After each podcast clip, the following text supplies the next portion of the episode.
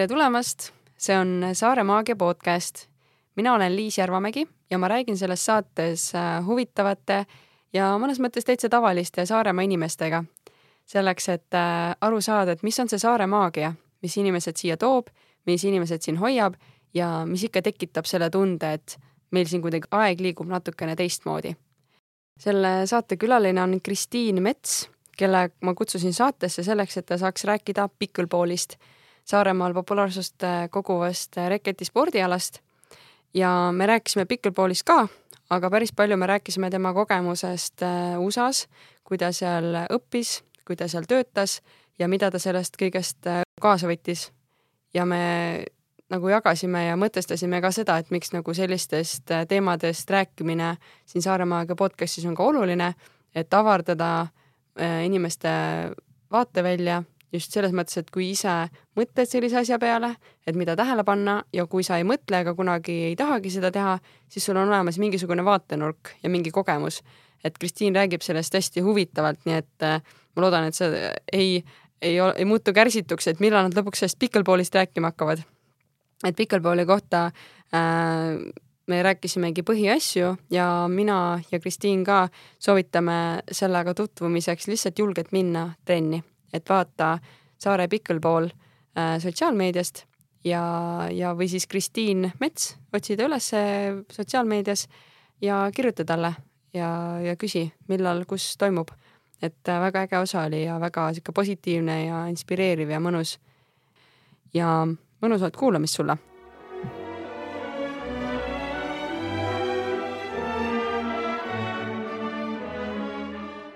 no nii, tere jälle mina olen Liis ja minuga on siin Kristiin. tere! oleme siin ägedas Saare Maagia äh, salvestuskohas, milleks on helikombinaat äh, piimakombinaadi kõrval nagu ikka ja siis Kristiin ütles, et siin all oli olnud äh, üks äh, mingi pood. oskad sa sellest täpsemalt rääkida, mis sina sellest majast tead?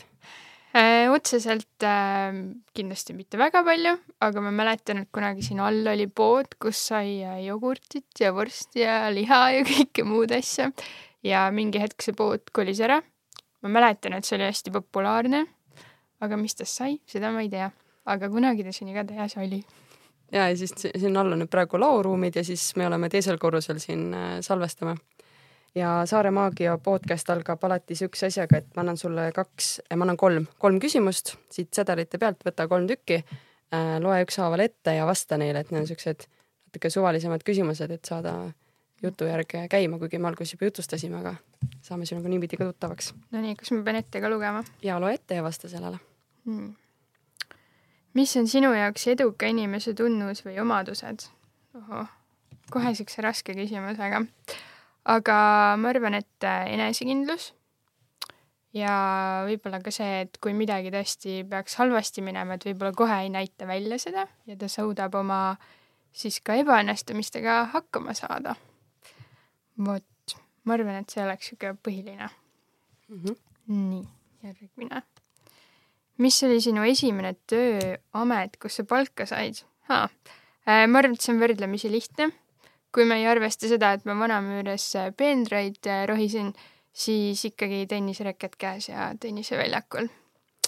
vot, et tennis on jah, eluaeg mu nii-öelda osa olnud ja on siiani mm. -hmm. see on ka lahe, et sellise asjaga kohe nagu Võt. raha teenima hakkasid. just. ja nüüd viimane. mis loom sa oleksid ja miks? ma kuulasin kellegi podcast'i ja ma mõtlesin, et kui mul endale see küsimus tuleb siis ma raudselt ei oska vastata. Ja ma arvan, et äh, mul ongi keeruline. ma ütlen kõige sihuke tavalisem, et koer või?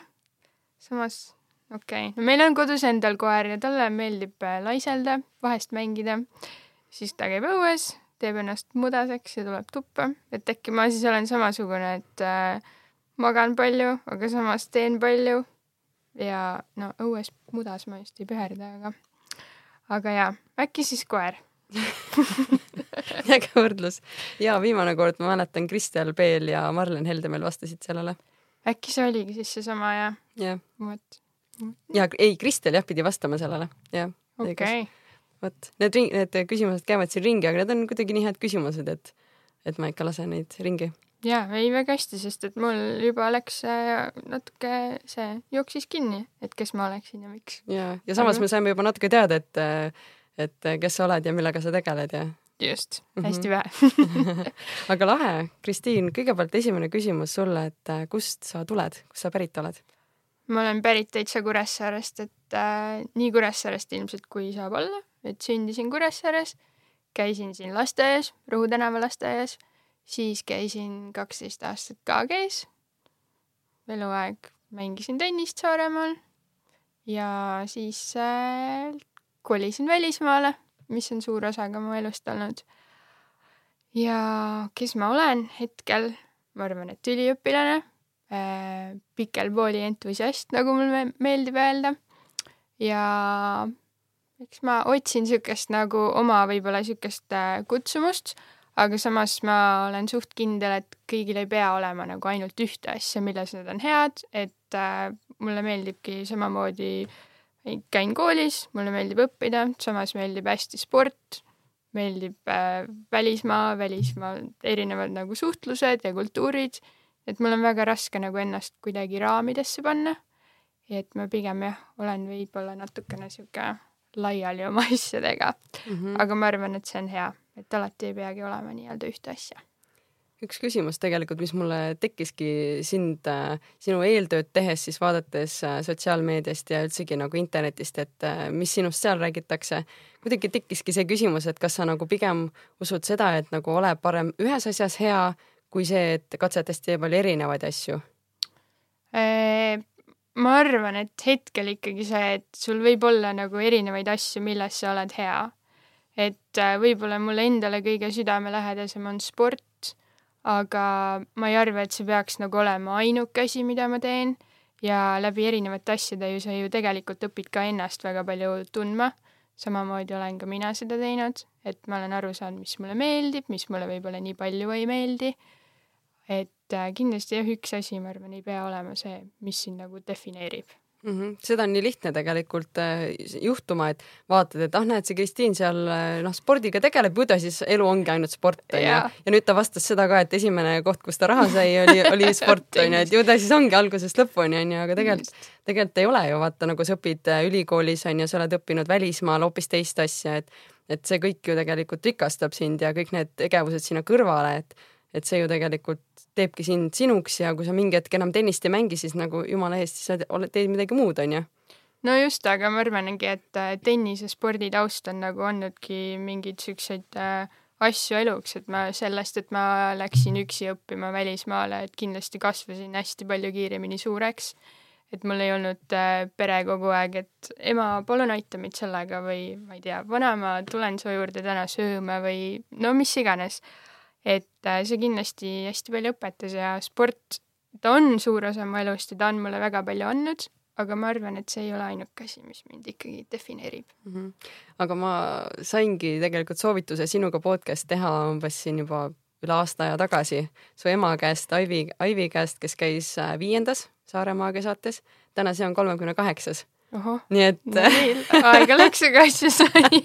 jah, et lõpuks tuli mul tahtmine, et näed, aga tegelikult võiks selle Kristiini ka nagu kutsuda siia, et, et, et kes ta siis on, et, et Aivi mulle soovitas ja nii äge tegelikult, et äh, kui ma Aiviga rääkisin spordist, siis tema kuidagi ütles, et äh, no nende ajal ei olnud sellist asja, et laps käib trennis, vaid see liikumine oli kuidagi nagu loomulik ja nagu käis kogu aeg eluga kaasas.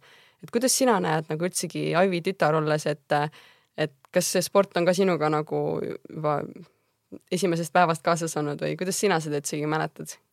Äh, ma arvan, et on, et äh, ema näol on mul alati suur eeskuju ees olnud ja ma mäletan või noh, tean ka seda, et ma tõesti hakkasin väga väiksena käima spordisaalides temaga kaasas, mul on kuskil kodus albumites pilt, kus ma olin äkki kolm või neli, olin kuskil varpseina peal juba või lihtsalt jooksin nagu seal saalides ringi ja eks tänu emale tegelikult ma ju alustasin ka tennisega, nii et äh, et ta on jah olnud mulle sihuke suur, suur eeskuju ja samas ka tagantutsitaja, et, et ma kindlasti arvan, et paljud asjad ma võlgnen temale ja sellele, et ta mind tagant ikkagi oli natuke, ma ei taha öelda, et sundis, aga kindlasti nagu tegi teatud asju selleks, et, et mul läheks paremini. et Jah, kui ma võib-olla olin laisk, siis ta natuke jälle ütles, et peaks nüüd minema kuskile trenni näiteks.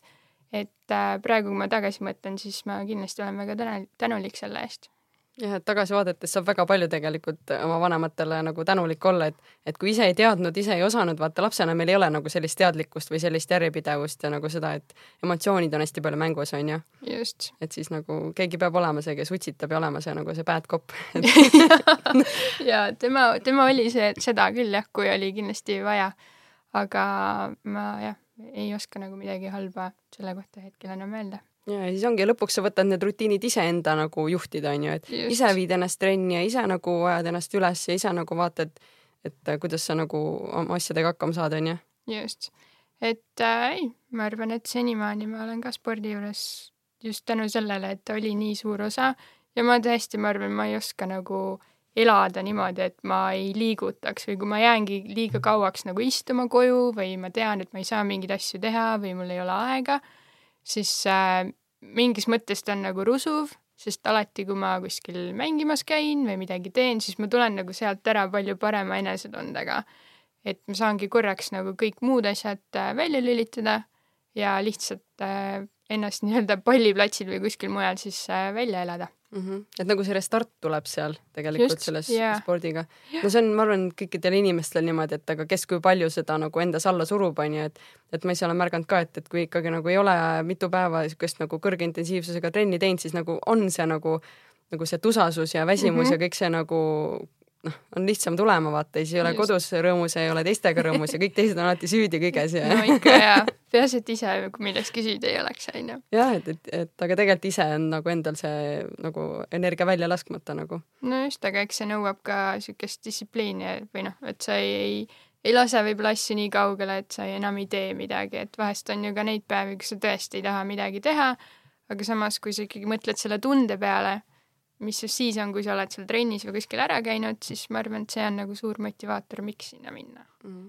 ja vahel ongi see, kui ei ole nii kaua trennis käinud, siis tekibki see tunne, et ei tahagi mitte kuskile minna, et siis tahab kohe minna, onju. no just mm. -hmm, jah, sama siin, et, et talvel on veel lihtne no,, raske, hästi, hästi raske kuidagi õue minna mm. -hmm. et ma olen märganud ka, et kui isegi mingi beebiga kärutama on siuke tunne, et ei tea, kas täna. natuke siis... pime on ja tuul puhub. jah, et juba, juba hakkab hämaraks minema, aga tegelikult see noh, kasvõi see pool tundi, issand, ma sain täna nii palju häid mõtteid nagu ja. ja no ongi no., vahest paned mingi muusika või midagi muud peale ja saad rahulikult mm -hmm. liigutada ja oma, omi mõtteid mõelda mm. -hmm. aga tuleme sinna tagasi, et äh, kui sa lõpetasid äh, gümnaasiumi ära, kas sa nagu kohe oli sul selge juba nagu juba, et, et jah, see nagu USA, see nagu ülikool, see koht, kuidas nagu see üldse juhtus, et sa nagu siit Saaremaalt siis USA-sse jõudis, jõudsid ja kuhu sa täpselt läksid? Äh, tegelikult äh, eks ta oli niisugune natukene keerulisem või pikaaegsem protsess, et kuna paberimajandus äh, USA-sse kooli minekuks ja üleüldse tegelikult seal nagu elamiseks ja töötamiseks ikkagi võtab väga palju aega, siis äh, ma teadsin umbes, ma arvan, üheteistkümnendas tegelikult, et ma tahan minna ja selle nimel ma pidin juba ka tegema keeleteste ja asju. aga see mõte ilmselt äh, tuli mul vanematelt, kuna nemad äh, ka üks hetk olid äh, USA-s ja meie peretuttav mängis tennist, samamoodi ka koolis ja oli tiimis ja tal oli siis nii-öelda stipendium selleks, siis ma arvan, et meil oligi see, et, et miks sa ei proovi, et proovi, et kui ei saa, okei okay,, pole midagi hullu aga, aga sealt see tuli jah, ja see protsess, ma mäletan, ma saatsin äh, erinevatesse koolidesse nii palju email'e, kirju, pidime tegema mänguvideo, selle kokku lõikama, mul ei olnud õrna aimugi, mida mm, -hmm. mida ma teen ja kuhu ma ennast üldse nagu nüüd sättinud olen ja miks ma, noh, ma teadsin, miks ma seda teen, aga ikkagi vahepeal võib-olla, kui olid siuksed natuke situatsioonid, kus sa võib-olla ei saanud mingit tagasisidet, et see oli natuke keerulisem aga ma arvan jah, sihuke üheteistkümnendas ma juba suhteliselt nagu teadsin, et äh, ma tahan minna. kaheteistkümnendas äh, oli üpris selge, et ma lähen, kuigi need koolid ka muutusid, et äh, alguses äh, oli plaan või tahtsin kindlasti minna Floridasse. aga kuna ikkagi USA haridus on nii kallis, siis lõpuks kaalukauss ikkagi jõudis nagu selle koolini, kes pakkus mulle siis täisstipendiumit ja sinna ma siis läksin. ja eks ma Eestis nagu nii-öelda tagavere variandina proovisin ka ülikooli sisse saada ja mul oli hullult unistus väiksena õppida õigust. ja proovisin, ei saanud Tartu Ülikooli sisse ja siis ma suhteliselt nagu see jäi sinnapaika ja mõnes mõttes nagu ma arvan, et kinnitas veelgi enam seda, et, et see USA tee nagu oli minu jaoks ikkagi õige sellel hetkel mm. -hmm. ja nii ongi vaata, et need, mis asjad, mis välja ei tule, mis ei õnnestu, need nagu annavadki märgu, et noh, sa ei pea lihtsalt minema, aga samas ei saa ka seda võtta, et näed, ei tulnud esimese korraga välja, ma rohkem ei proovi, onju, et siis niisugune õhkõrn piir kuidagi nagu, et kas sa proovid uuesti ja pingutad või sa ütled, et näed, noh, ju siis ei pea praegu seda minema, onju, aga yeah. jumal lahe, vaata, et sul oli nii palju erinevaid variante, et ei olnud seda nagu kuidagi nagu, et ük, ainult üks õng vaata ja kui sealt ühe õngega otsa midagi ei jää, siis nagu kõik läbi onju, et sul mm -hmm. oli mhm. nagu väga palju, ma praegu kuulen. Eks ta oli hea, aga noh, aga noh, oligi, et kui ma peale kooli, ma lõpetasin ju kaks tuhat kolmteist äkki või? ja kuna mu viisapaberitega läks kauem aega, siis tegelikult ma pidin äh, pool aastat kodus olema. ja see oli natuke keerulisem aeg, sellepärast et kõik teised ju ümbertringi läksid nagu kooli Tallinnasse või äh, Tartusse. mina jäin siia Saaremaale, aitasin emal jälle tennisetunde teha ja kannatamatult nagu ootasin aega, et okei okay,, jaanuar nüüd tuleb, et saaks sinna lennuki peale ja saaks juba ära minna. ja nojah, sinna ma jõudsin esimesel, esimest korda, ega ma ei olnud enne ju äh, Ameerikas käinud, ma olin filmidest näinud, millised on poed ja kõik muud, onju, aga me jõudsime sinna äh,. mul oli üks äh, tiimikaaslane, kellega me saime Frankfurdi lennujaamas kokku. Ka kunagi polnud teda näinud, treener andis emailid ja siis me omavahel seal natuke rääkisime ja jõudsime USA-sse, lennujaama niimoodi, et äh, kuidagi olime kellaajad sassi ajanud kes mis kell pidi kellelegi järgi tulema. ja siis me ootasime oma kottidega äh, lennujaamas treenerit mitu tundi, telefone meil ei olnud, mõtlesime, et okei okay,, mis nüüd saab, lõpuks ta tuli ja siis äh, juhtus nii, et äh, ma käisin äh, Georgias ja nagu osariigis ja sellel hetkel, kui me jõudsime, siis oli üks ajaloo kõige hullemaid äh, nii-öelda siis äh, torme talvel ja jõudsime sinna. ma arvan, et esimesed kaks päeva oli sihuke okei okay,, aga meie korter, kus me elama hakkasime, meil ei olnud äh, näiteks äh, sooja, et need radiaatorid või mis iganes seal siis olid, need ei töötanud. Siis me maadlesime sellega seal ja siis äkki teisel nädalal või, võib-olla oli juba esimesel. Äh,, hakkas lund sadama ja seal nad ei oska ju lumega sõita. Mm. ja noh, mina ju tulin Saaremaalt, meil võib siin kolmkümmend sentimeetrit lund olla, miinus kakskümmend viis, pole nagu häda midagi, natuke külm on. seal võib-olla oli sihuke miinus natukene.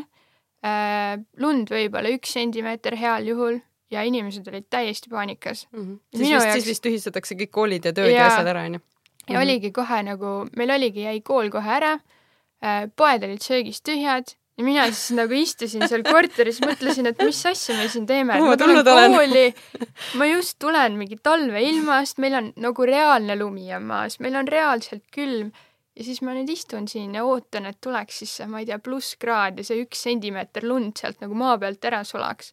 Aga samas tegelikult on nagu see pilt, kui sa näed inimesi esimest korda, kes näevad nagu lund on midagi täiesti nagu enneolematut, sest meie jaoks, kui me siin Eestis üles kasvame, on ju lumi täiesti tavaline. Seal inimesed vaatavad, et issand, mis see lumi on, mis mm -hmm. ma mhm. nüüd tegema pean.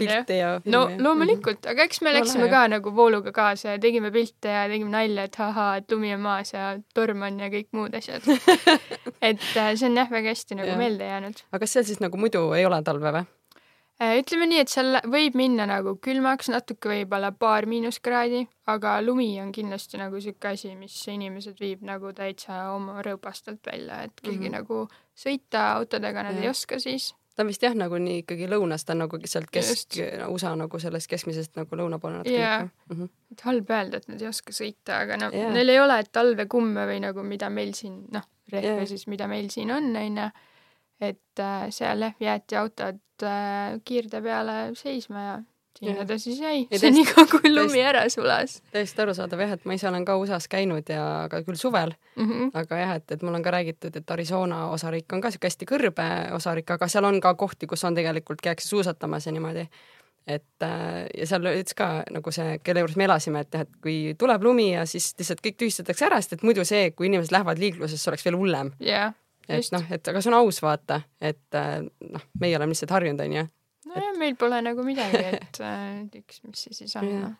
aga kuidas see kooli sisseelamine siis äh, seal läks ja kuidas sa üldsegi nagu nii kaugele jõudsid, et seal nagu tennisega seal mingi tiimikapten olid ja kõike sellist asja, et kas oma viimasel aastal ja et äh, tennisega, eks mul oligi nagu noh, ainuke viis USA-sse minu jaoks kooli saada oligi see, et kui ma läbi tennise selle stipendiumi nagu saan, et äh, siis ma lähen. ma teadsin tegelikult ka seda, et ma ei olnud nagu valmis tennisest nii-öelda loobuma, et ma kindlasti tahtsin veel edasi minna, aga eks siin Eestis oligi nagu see, et äh, kas sa üritad minna täitsa nagu professionaaliks, mida ma arvan, et ma juba teadsin tegelikult eos, et ma sinnamaani kindlasti ei küündi. aga ma jah, tahtsin edasi mängida ja USA pani siis või noh, andis võimaluse need kaks asja siis kokku panna, et ma saan samal ajal, kui ma mängin, ka hariduse. et äh, minu jaoks oli see kindlasti väga suur nagu, suur äh, samm, eesmärk. jumala äge ju tegelikult, sest ma olen aru saanud, et USA-s on see kool, ülikoolisport nagu Jaa. väga-väga heal tasemel, et Eestis kindlasti üliõpilasena niisugust nagu mängu ei oleks saanud. Mm, ei, kindlasti mitte, sest Eestis ju tennist nagu ülikoolis mina ei tea, et kuskil nagu niimoodi oleks mm.. no EBS-is vist on võim-, ei oota, ma olen golfiga segamini, seal on nagu valikaine isegi oli, et saad golfi mängida. no golfi Oled- valikaine oli meil ka Jah. kes ka jah, isegi. tennist vist ei olnud jah. tennist äh, vist ei olnud. ma ei tea jah, et oleks niimoodi olnud. aga kuidas mul sisseelamine läks, ma jõudsin kohale, no siis oli see torm ja meil ei olnud sooja ja ja ma mäletan, et ma läksin raamatupoodi, see on jälle täiesti nagu Eestiga võrreldes, et kui me lähme koolis raamatuid on vaja, onju, siis sa lähed raamatukokku, sa laenutad need, täitsa tavaline. seal tuleb kõik asjad osta tuleb meelde, ma müüsin ise USA-s raamatuid ja nagu minu jaoks ei olnud see üldse nagu loogiline, et sa pead kõik õpikud ostma mm. mm. -hmm. sa saad paksu raamatu, mis maksab mingi sada või kakssada Mhm. dollarit onju ja sa kasutad seda nagu ülivähe võib-olla onju. nagu täiesti hull minu meelest. Täiesti harjunud selle raamatukoguga ja mingi internetiga onju no just onju, et sa saad nagu tead täpselt, kus mida on, lähed, teed oma asjad ära ja siis paned selle rahulikult riiulisse tagasi. ma mäletan ja, et meil oli see mingi nimekiri, mis raamatuid meil siis pidi vaja minema. ja siis ma, ma ise ei teadnud, et neid peab ostma hakkama ja minu jaoks oli see nagu mingi täiesti müstiline asi. ja me läksime neid maksma ja siis see arve vist oli mingi kuussada dollarit ja ma mõtlesin, et issand jumal, et mis asja me teeme siin. ja siis tuli välja, et mingi süsteemi viga oli kuskil, et nagu mul ei olekski seda stipendiumit, et mm. ma nagu ei olegi koolis kuidagi. ja siis ma mõtlesin, et okei okay,, päris huvitav, et tead, et noh, et tuled siit koolist, mõtled, et, et sa oskad inglise keelt jumala hästi rääkida. Sa jõuad sinna, sa saad aru, et sa nagu oled nii algelisel tasemel, et sa ei oska nagu hääldada jah, aktsent lihtsalt mängib ka nii palju, nad ei Jaa. oska kuulata seda aktsenti. no ja eriti nagu lõuna pool, vaata iga ju osariigis Jah. on nagu mingi sihuke omamoodi nagu viis onju. ja siis ma jah üritasin seda nagu äh, sealt siis välja urgitseda kuskilt, et mis pidi siis nüüd tege-, tegutsema peab ja kuidas ja mida ja millal. et äh, selle stipi ikkagi süsteemi me saime, raamatud ma kätte ka sain, aga jällegi sihuke täiesti nagu kogemus Mhm. või nagu asi, mida sa kunagi ei oska nagu ette näha ja, ja see on kogemus, mis kasvatabki sind suureks onju, et sa ei helista kohe kuskile ja keegi teine ei tee su eest asju ära, vaid sa ise Jaa. teed onju. ja see ongi nagu no jumala äge kogemus tegelikult nagu, et jaa, sest ma mäletan, et noh, kui ma Saaremaal olin, et ikkagi siin oli ju lihtne, vaata Saaremaa on selles mõttes nagu nii väike onju, kõik on käe-jala juures, teed ja siis sa oledki nagu teisel pool ookeanit, ajavahe on ka mingi kuus-seitse tundi. et mis see siis nagu, mis see ema su jaoks siis teha saab, et tema ilmselt ütleb sulle, et mine tee siis asjad korda ja ongi kõik onju. et see jah, kasvatas hästi kiiresti suureks ja eks peale seda ma kindlasti sain ka sellest aru, et USA-s on tõesti nagu igaüks on ikkagi enda eest nagu väljas ja ega keegi sinu jaoks nagu niisama mingeid asju tegema just ei hakka, et alati ikkagi ise pead näpuga järge ajama ja, ja enda eest nagu seisma Mhm. aga tegelikult ei ole ju midagi hullu, seal on nagu kõik asjad ikkagi nagu võimalikud. et Muidugi. äh, lihtsalt võtavad võib-olla aega või pead nagu rohkem ise kohal käima, mitte nagu lihtsalt helistama või kirjutama või mingi, ma ei tea, noh, interneti teel midagi ära tegema, et noh, tollel ajal kindlasti vaata, jaa. siis oli rohkem seda paberimajandust ja siukest asja no.. nojah, internetti või see, et meil on Eestis kõik digi, seda, seda kindlasti ei ole ja ei ole nagu siiamaani ja ei ole olnudki. et mm Mhm. -hmm. äh, jah, aga ma arvan, see on nagu selles mõttes jah, et äh, iseenda eest seisad väljas, tead, mis toimub. kui midagi välja ei tule, saad ainult iseennast süüdistada. Mm -hmm. mida sa õppisid USA-s? ma läksin äh,, läksin teadmisega, et ma ikka proovin natuke seda õiguse poolt. aga kuna seal on haridussüsteem ju täitsa teistsugune kui Eestis, siis äh, tegelikult sa oma lõplikku eriala ei pea valima kuni tegelikult teise aasta lõpuni. Et okei okay,, kui sul on alguses nagu teada, siis loomulikult sa saad hakata kohe keskenduma neile ainetele, mis sulle meeldivad. aga ma jah, alguses läksin äh, teadmisega, et ma ikkagi tahaksin õigust veel õppida. Siis äh, selle juurest ma millegipärast nagu loobusin, siis vahepeal mul oli veel mingi eriala ja lõpuks ma jõudsin selleni, et äh, ma õppisin noh, ärijuhtimist siis ma arvan eesti keeles nagu kõige lihtsamini öeldes, aga ma õppisin juurde tarneahelaid, mis minu jaoks oli jälle sihuke päris uus äh, ja huvitav teema, et kuidas, mis pidi asjad nagu liiguvad, kust midagi alguse saab mäletan jumala hästi, et meil oli mingi grupitöö, kus me pidime tegema mingit laoplaani ja kuidas sa laoksid mingid kastid lattu. niimoodi, et sul sõidavad need autod või mingid äh, tõstukid seal vahel, onju. see võib-olla oli siuke asi, mida ma ei, ei osanud nagu oodata, aga samas jälle mulle meeldis selle kõrval erinevaid nagu pabereid vaadata ja vaadata, et kõik oleks nagu täidetud ja eks me tegime nagu erinevaid situatsioone, mängisime läbi ja see nagu oli huvitav mu jaoks ja eks ma sealt nagu läksin ka oma järgmisele tööle, et sealt nagu nii-öelda loogiline samm edasi. mm. -hmm. see on äge vaata, et, et sa oledki sellele spordile sellise nagu õpp-, õppimise nagu, no kuidagi nagu, et see õppimine ka nagu täiendab ja nagu sa näed mingeid asju, mis sulle sealt meeldivad ja võtadki need välja, vaata, kui mingi asi tundub, et mis see on, siis teine asi nagu noh, sa kuidagi võtad sealt endale ikkagi, õppimine ei ole see, et sa saad paberi, vaid sa tegelikult ise nagu kasvad selle juures, onju. ja et leiad just selle, mis sulle nagu endale kõige rohkem meeldib ja huvi pakub, et eks see ongi see, kus sa nagu ise edaspidi hakkad ka võib-olla juurde uurima või tahad midagi nagu selle eriala või asjaga seotud teha. Et ma arvan, see nagu, mulle meeldis hullult USA nagu haridussüsteemi juures ka see, et sa said hästi palju asju nagu proovida.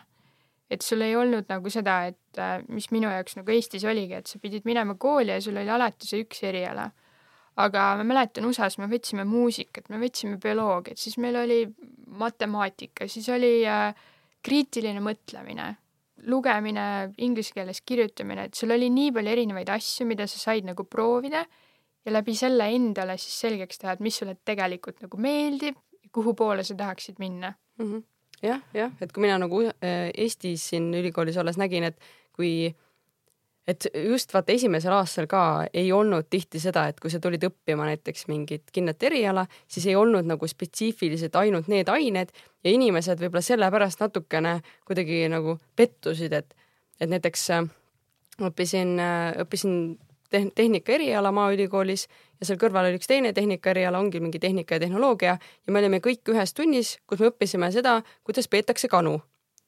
kuidas okay. ja siis me õppisime, kuidas teisi loomi pe- peetakse ja nii edasi, et nagu see oli selline nagu algõpetus, sa oled Maaülikoolis ja sa pead natukene aru saama, et sa õpidki siin seda maamajanduse asja mm -hmm. ja kõik olid seal, et miks me siin oleme, nagu who cares, vaata, aga samas on jälle seesama, et aga võta vastu yeah., mis sulle see halba teeb, et sa tead, kuidas vaadatakse tibudel, kas on ema või isa nagu, nagu lind onju mm. -hmm. mis see sulle halba teeb, onju, et ole avatud meelega Jaa. et see, et kui sa esimesel aastal juba ei saa mingit süve, süva mingit tehnoloogiat, siis nagu noh, mis siis, sa oledki esimesel aastal, sa alles tulid üli, sa alles tulid äh, koolist, sa peadki yeah. alles sisse elama, sa noh, esimesel aastal sa ei saagi veel teha siukseid asju, kui sa alles käid ringi ja pidutsed onju, et siis olgugi kergem, kergemad õppeained sinna kõrvale. no ja just siuke, lahe, see on nii hea point jah, ma ise ka hakkasin mõtlema praegu selle peale, et miks see tegelikult isegi hea on, et alguses on natuke siukest sisseelamist ja nagu Just. matemaatikat ja võib-olla siukest informaatikat ja siukeseid asju tegelikult, et saad nagu põhiasja kätte, tead, kuidas dokumente vormistada ja siis võid juba hakata oma seal mingeid jooniseid asju tegema onju. just. ei, ma arvan, see oli jah yeah. kindlasti nagu, et okei okay,,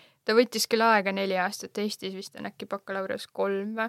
noh, Jah, et äh, ta küll selle ühe nagu aasta nii-öelda siis lisab su sellele esimesele kraadile, aga ma arvan, see on just see aeg, kui sa nagu õpidki tõesti seda nagu tundma või teadma, et mis sulle meeldib ja mida sa tahaksid nagu edasi teha. jumala hea point tegelikult, et ongi nagu ülikooli poolt veits niisugune nagu sisseelamine, aga ma arvan, meil Eestis on nii kiire kõigil vaata, et, et eriti vanematel, kes arvavad, et nagu, et et issand jumal, kui sa ikka kuus aastat seal arstiks õpid, siis nagu kuidas sa küll hakkama saad selle aja, et siis veel ei teeni raha ja nagu vaatame laiemalt seda asja no just noh, okei alati saab.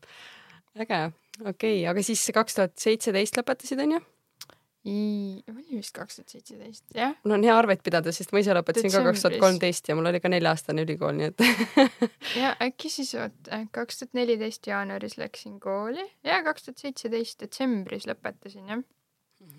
ja kas sa siis tulid kohe Eestisse tagasi, et jee, nüüd hakkan Eestis midagi tegema või, või sa veel ei olnud nagu valmis tulema siia? ei, mina, ütleme nii, et ma kaks tuhat seitseteist lõpetasin kooli äh,. Ma olin selleks hetkeks juba tegelikult olin äh, ühes tenniseklubis tööl äh, treenerina, kus ma olin ka siis eelnevad suved olnud ja olin seal äh,. selleks hetkeks ma siis kolisin New Jersey'sse juba ja mingi hetk ikkagi tundsin nagu, et äh, et ma tahaks proovida seda, mida ma koolis õppisin ka nagu reaalselt elus või noh, et siis, et ma teengi seda kontoritööd ja proovin ja ja eks see protsess oli hästi nagu ka jälle sihuke stressirohke, et äh, kui sul on USA-s, sa oled nagu sellega, et sa lõpetad selle kooli, sul on aasta aega nii-öelda antud, et sa saad teha oma erialast tööd. ja eks paljud firmad nagu nad teavad juba seda, et kui see aasta aega läbi saab, et sa pead hakkama seda viisat neile uuesti seal nii-öelda siis vormistama või nagu taotlema ja sul ei ole kunagi garantiid, et sa selle saad. Ja eks see oli kindlasti nagu see suur miinus ka mulle, et kui ma kandideerisin seal igast erinevatesse firmadesse, et siis keegi väga ei tahtnud nagu võtta. aga minu õnneks siis jälle läbi sellesama country club'i, kus ma siis tööl olin, sealt tutvuste kaudu jah, jõudsin äh, ühte firmasse tööle, mis tegeles siis äh, hulgimüügiga, aga niimoodi, et nad tootsid kõiki asju Hiina tehastes ja siis tõid selle USA turule. aga kuna mul oli Euroopa taust ja ma ikkagi olin nagu Eestist, siis tegelikult neil oli kõrval ka väike sihuke Euroopa firma ja siis ma sujuvalt äh, jõudsin nagu sinna või selle firma alla. aga ma mäletan jumala hästi, et kui ma lõpetasin kooli, siis ma arvasin, et ma tean sellest tarneahelast ja kõigest midagi. ja siis ma läksin tööle ja siis nagu reaalsus, mis mind siis ootas, oli täiesti teine sellest, mis ma olin kuskil raamatutes nagu õppinud. et ma nagu konkreetselt pidingi otsima mingeid tehaseid sinna ja kuidas siis tehakse mingeid tellimusi ja kuidas nad jõuavad nagu USA-sse ja mis sa kõik selleks nagu tegema pead. ja see oli mu jaoks nii uus ja samas huvitav maailm. ja sealt ma siis jah, vaikselt nagu tegin nii-öelda tööd ja jõudsin nagu kaugemale, minu tööd siis märgati ja siis ma märtsis äkki kaks tuhat kaheksateist alustasin seal. ja suve lõpuks mulle siis jah, anti nagu niimoodi loovalt asjaolude kokkusattumusel terve siis äh, see Euroopa nii-öelda turg, mis oli jällegi äh, hirmuäratav, sest et äh, seal ma sain nagu väga hästi aru, kui erinevad on ikkagi USA turg ja Euroopa turg nii oma regulatsioonide kui ka kõige muu pärast, et mida me nagu siin ootame versus see, et mida siis nagu USA-s tegelikult erinevad poeketid ja kõik nagu näha tahavad. et kui me USA-st ootasime näiteks Walmarti ja Targeti ja nende kõikide suuremate nagu poodide jaoks, siis see protsess seal taga on ikka päris õudne. aga samas kas sa mõtled just paberimajandus, seda, kuidas see kõik nagu vastu võetakse seal, no paberimajandus ja need nagu tingimused, mis neil on, et kuidas see tehas peab näiteks olema tehtud ja millised auditid ja no kõik siuksed okay. nagu väga spetsiifilised asjad. jälle need on siuksed asjad, mida sa tavatarbijana nagu isegi ei, ei No, kujuta ette nagu, et siukest asja tehakse mm,. jaa, et äh, me lähme nagu poodi ja lihtsalt siis ostame sealt selle asja, Mhm. aga ma arvan, et pahased, et miks midagi siin ei ole või miks on just seda, selline ja miks ei ole mingit teist, on ju, et noh, võib-olla mingi teine toode ei ole lihtsalt saanud oma mingite kriteeriumite pärast sisse. no jah, seda ka? on ju, et see on nagu Euroopas nagu eriti nüüd, et kuna meil nagu neid regulatsioone ja asju on palju rohkem, et kui ma tegelesin kosmeetika ja kehatoodetega just, et äh, siis ma sealt sain nagu väga silmi avama kogemuse selles suhtes, et äh, näiteks kui palju on koostisaineid või osasid, mis on USA-s lubatud. või ütleme siis nii, et mis on Euroopas keelatud versus mis on USA-s keelatud, et kui me Euroopas räägime a la sihuke tuhat mingit koostisosa, siis USA-s võib-olla on neid sada. Et äh, see nagu vahe on hästi suur mm. ja eks see oli huvitav minu jaoks jah, ja siis ma sealt nägin ka neid telgitaguseid, et äh, mismoodi ja mis koostisainetega ja osadega ja millised on need tootmisprotsessid ja see oli jah, hästi põnev. ja samas ka hästi, hästi keeruline. aga seda ma siis te tegema jõudsin. ma kindlasti ei arvanud, et ma sinna nagu välja jõuan ja aga samas olen ikkagi väga tänulik selle kogu kogemuse eest, et nüüd ma, nüüd ma julgen käsi südamele öelda, et kui asja peal tegelikult on kirjas Made in China, eriti mis on seotud kosmeetika ja kehatoodetega, siis mina nagu hoian neist nii kaugele, kui vähegi võimalik on ah,. Okay.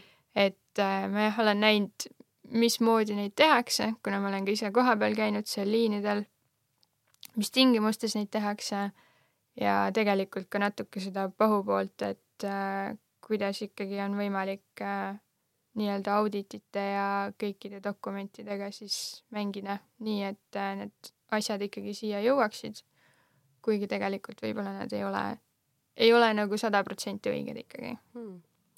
vot sihukest äh, teadlikkust tegelikult ongi väga hea nagu saada, et ja siis nagu teatud noh, kui sul vaata kunagi peaks olema mingisugune võimalus seda nagu kasutada, siis yeah. nagu sul on see, siis sul on see nagu teadlikkus ja sul on see emotsiooniga tulnud asi nagu Just. olemas, et versus see, mis õppisid koolis, on ju, võib-olla ei võtaks nii tõsiselt, aga nüüd, kui nagu päriselt on see asi läbi kogetud, siis nagu on kuidagi teistsugune arusaam sellest. jaa, ja ma arvan, et nagu need asjad, mida ma õppisin, et need kindlasti ei ole asjad, mida koolis õpetatakse. et äh, noh, kasvõi sellest, et mis, kui tootel on nagu silt peal, et siis mida nagu seal vaadata või mida meie vaatasime või mida peaks vaatama sellel hetkel, kui ta nagu siia Euroopasse sisse tuleb ja eks ma nagu selles mõttes, et kui äh, tulevad jõulud, kuna meil oli ka jõulu nagu see ostuaeg siis noh, novembrist kuni detsembri lõpuni, oli meie jaoks niisugune kõige suurem ja nii-öelda ikkagi kasumlikum periood. me hakkasime jõulutellimustega tegelikult tegelema jaanuaris, ehk siis sa juba töötad nagu aasta aega ette. märtsiks me juba enam-vähem teadsime, mis nagu äh, poelettidele novembris jõuab ja siis sa jah, tegelesid sellega, aga nüüd igal aastal, kui ma käin äh, jõulutel ka, noh, vaatad siin Selverid ja kõik poed, onju, siis ma alati näen neid samu asju, mida meie tegime. Ja ma juba lähen nagu ülikriitilise pilguga neid vaatama, ma võtan selle toote ja ma enda peas juba tean, okei okay,, see tegelikult ei peaks siin olema, see nagu ei kuulu siia. mis sa mõtled, äh, mis ei kuulu sinna? Äh, näiteks erinevad siuksed nagu kuidas ma siis ütlen, logod, et kas on näiteks mingid äh, ma ei tea, cruelty free või on mingid vegani asjad, onju. et tegelikult äh, see on natuke sihuke hall maa. ja ta ei tähenda nagu midagi, aga ta on nagu mingi sellise nagu vist nagu rohepesu eesmärgiga pandud või noh, siuksed yeah. näitame ennast nagu hästi hooliva hästi roheliselt ja, ja. Mm, roheliselt ja mis iganes see eesmärk on, onju. just mm et neid asju on palju mm. ja noh, see et.... selliseid nii-öelda ise tehtud leibeleid on ka kindlasti hästi palju, onju. ja, ja et ma väga hästi tean, et ja, et äh, eks meil ka nagu selles mõttes alati ju keegi kuskilt mõtles, et kas me saaksime kasutada seda, ilma et meil nagu tekiks mingeid probleeme. Aga samas me teadsime noh, et võib-olla kõik asjad nagu päris nii-öelda õiged ei ole. et see oli sihuke karm maailm, aga mm -hmm nii paljud firmad seda teevad ümberringi ja noh, see ei ole ka reaalne, et siis on see üks, kes teeb nagu kõike õigesti ja teised nagu kõrval siis äh, lasevad nii-öelda üle igat, igat reeglit ja seda olustikku, et. ja see on jälle see koht, kus sa ei saagi nagu olla kohe alguses perfektne.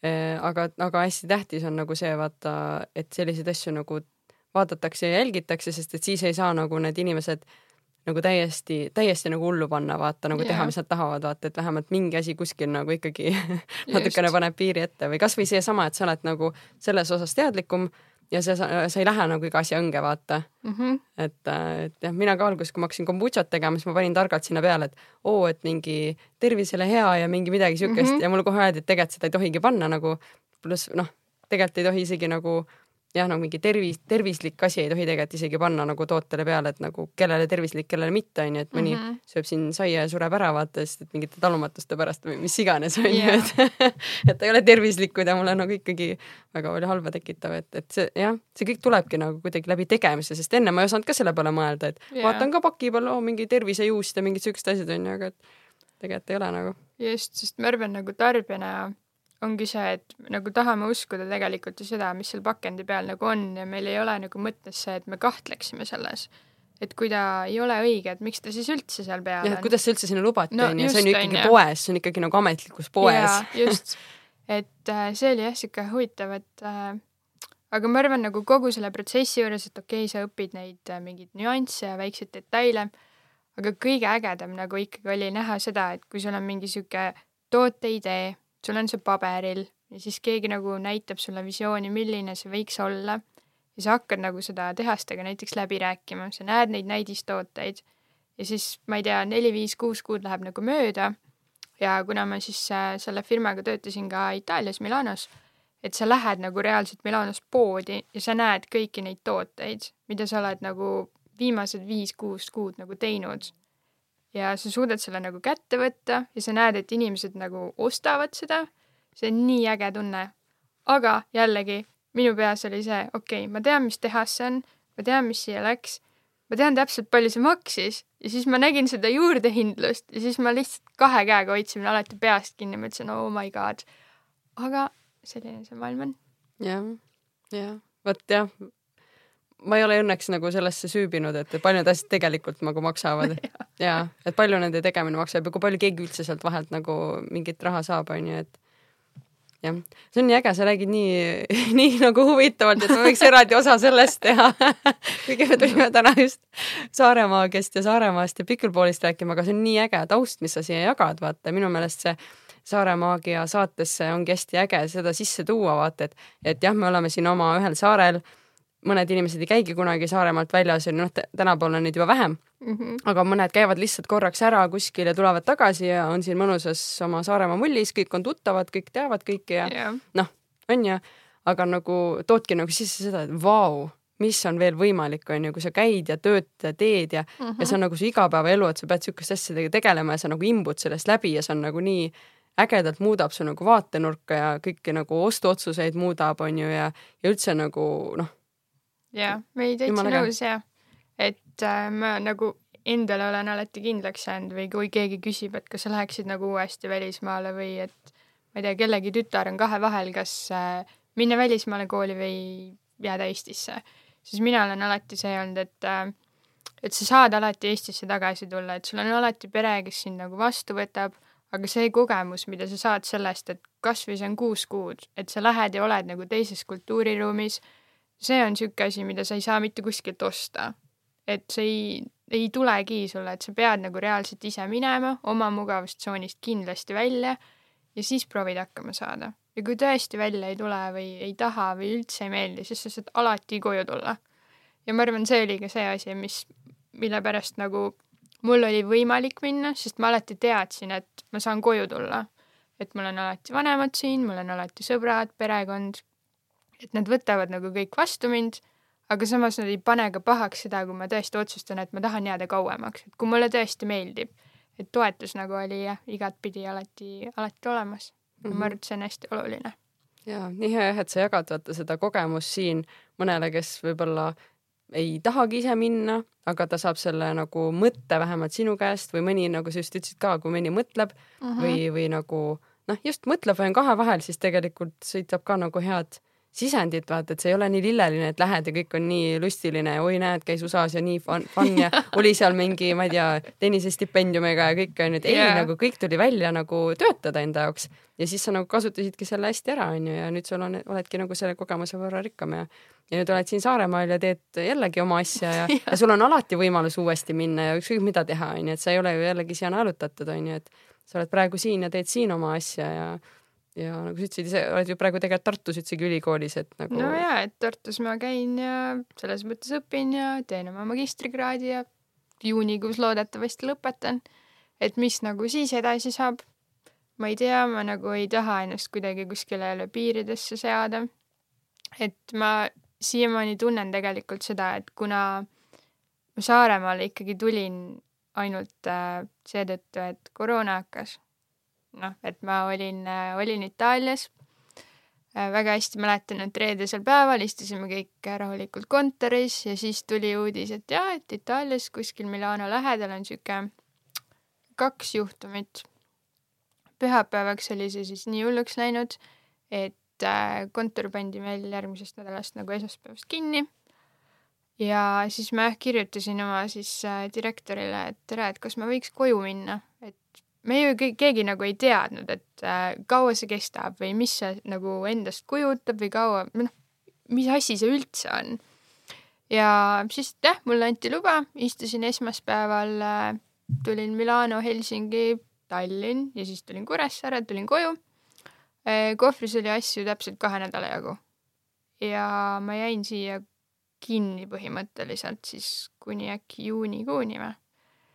Ja selleks hetkeks ma ikkagi nagu sain aru, et äh, koroonaga noh, kuna see ikkagi läks edasi, on ju, see ei saanud läbi ja me ikka olime kõik siuksed vahepealsed, et mis me siis nagu teeme ja mis siis edasi saab seda enam, et kontor meil ka nagu väga lahti ei olnud ja Itaalias olid ikkagi piirangud, palju inimesi võis nagu koos ühes ruumis olla.